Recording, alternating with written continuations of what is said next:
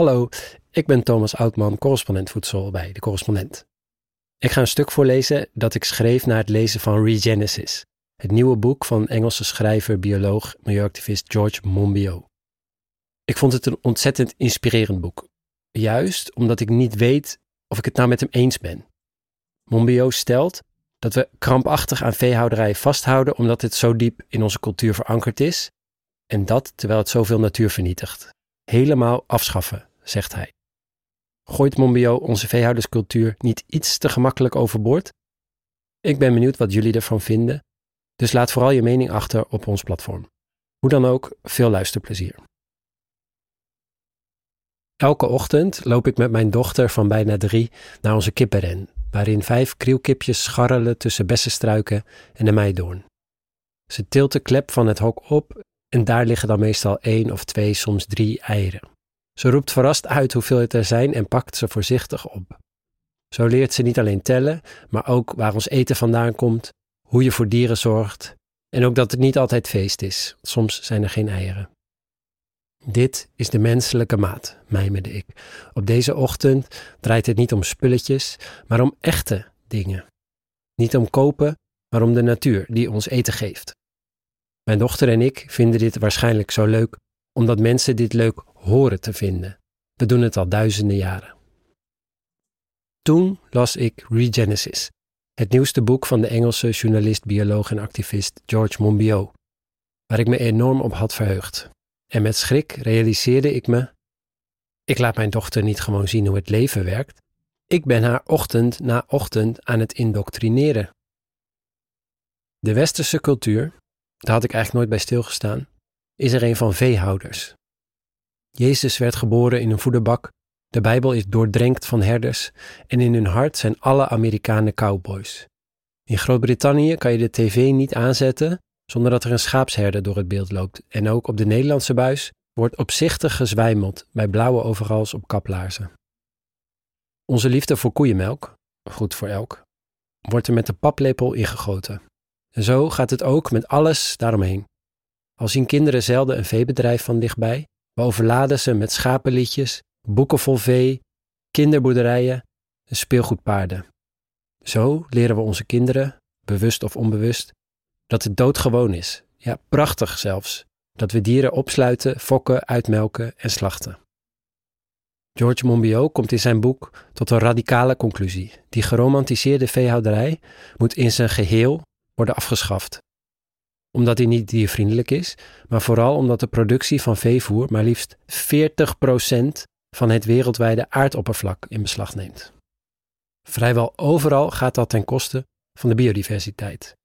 Door vervuiling en door gebruik van schaarse grondstoffen, maar vooral omdat het simpelweg zoveel ruimte inneemt.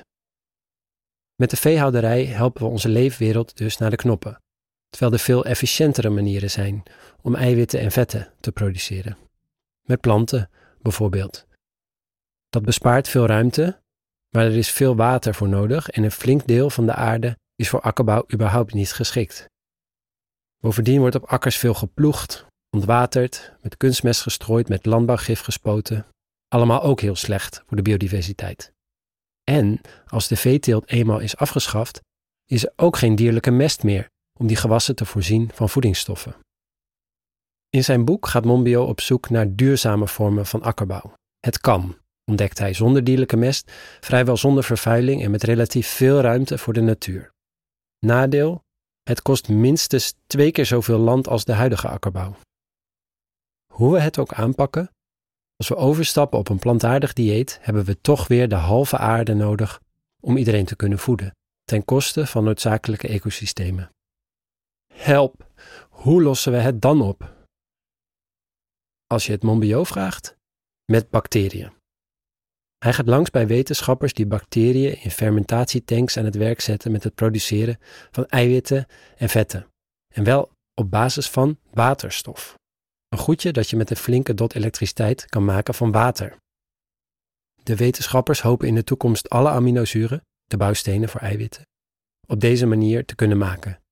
Vrijwel zonder andere grondstoffen te verbruiken dan lucht, water en zonlicht. Eureka! Maar waarom hebben de meeste mensen hier dan nog nooit van gehoord? Monbiot vermoedt dat het te maken heeft met onze principiële afschuw van zo'n kunstmatige voedselbron. Maar wat is kunstmatig? Wij, herdersvolk, gebruiken bacteriën net zo goed in productiemethodes die we wel als natuurlijk zien. Yoghurt en kaas, bijvoorbeeld. Toch voer ik met mijn dochter veel liever kippen, scharrelend tussen de bessenstruiken in de tuin, dan bacteriën in een tank in een schuur. Maar stel je eens voor dat de veehouderij nu pas zou worden uitgevonden, schrijft Monbiot.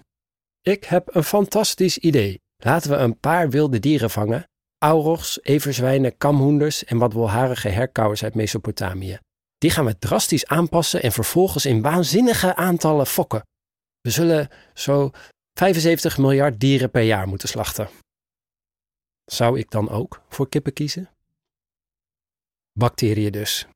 Het zou fantastisch zijn als er voor het maken van bewerkte producten in de supermarkt geen vlees, melkpoeder of palmolie meer nodig is. Vol voor gaan, lijkt me. Toch dringt er iets. Ik twijfel er niet aan dat overheden steeds meer gaan investeren in technologie zoals de eiwitfabrieken die Monbiot schetst.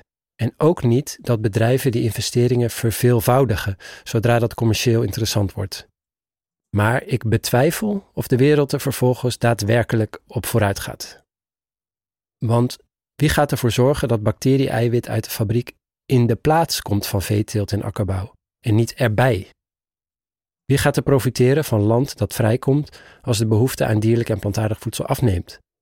En wat gebeurt er dan met de miljarden boeren in arme gebieden die nu met kleinschalige landbouw en veeteelt zichzelf en de wereldmarkt bedienen?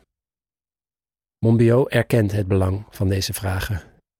Zijn argument om toch te pleiten voor eiwitfabrieken is dat een betere voedselverdeling niet begint bij de productie. Hoe we die ook vormgeven, het politieke systeem zou moeten veranderen. Maar dat overtuigt mij niet helemaal, want nieuwe productietechnieken kunnen die politieke verandering ook nog moeilijker maken. Dat weet Monbiot ook. In Regenesis zet hij uiteen hoe het mondiale dieet versimpelt. De vier meest verbouwde plantensoorten tellen nu op tot bijna 60% van alle calorieën die boeren wereldwijd produceren. En deze bulkproducten zijn in handen van een paar megalomane handelsbedrijven, zoals Cargill.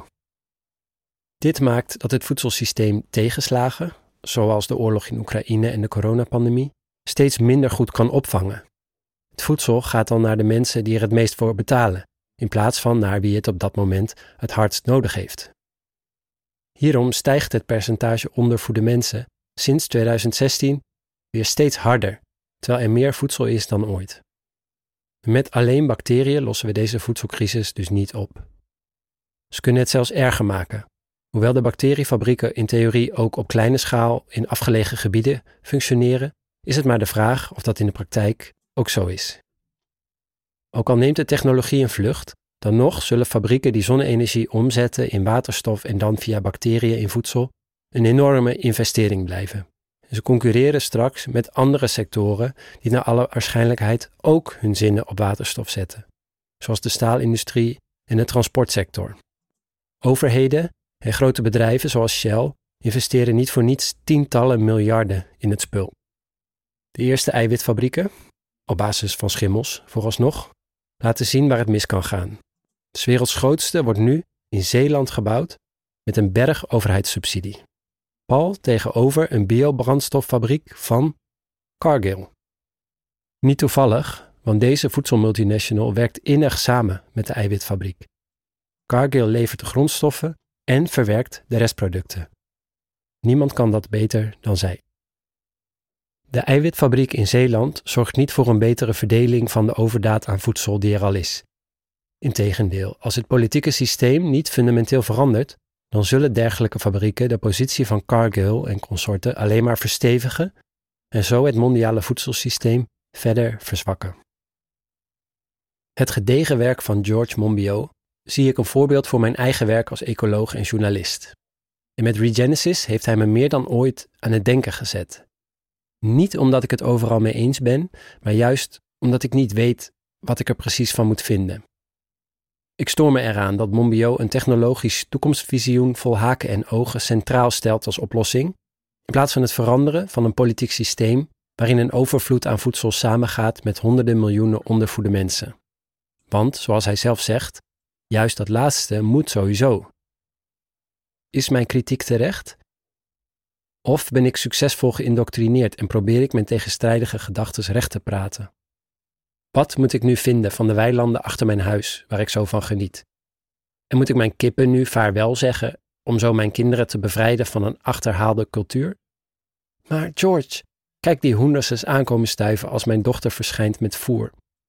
Ik ben meer dan die sleurende gang tussen werk, huis en supermarkt. Ik ben een herder. Het is de missie van de correspondent om voorbij de waan van de dag te gaan. Onze correspondenten voorzien het nieuws van context en schrijven over de grote thema's van deze tijd. De correspondent geeft me de vrijheid om mijn nieuwsgierigheid te volgen en de tijd om verhalen te schrijven. En zo probeer ik onzichtbare structuren zichtbaar te maken en een andere kijk te bieden op debatten die het nieuws domineren. Dan gaat het minder over het spelletje en veel meer over wat er op het spel staat. Vanaf dag 1 zijn onze artikelen, boeken en podcasts gefinancierd door onze leden. Volg ons op onze journalistieke zoektocht. Overweeg eens lid te worden van de correspondent. En maak daarmee samen met ruim 70.000 anderen onze onafhankelijke journalistiek mogelijk. Dus word lid van de correspondent. Ja. Word lid. Word lid.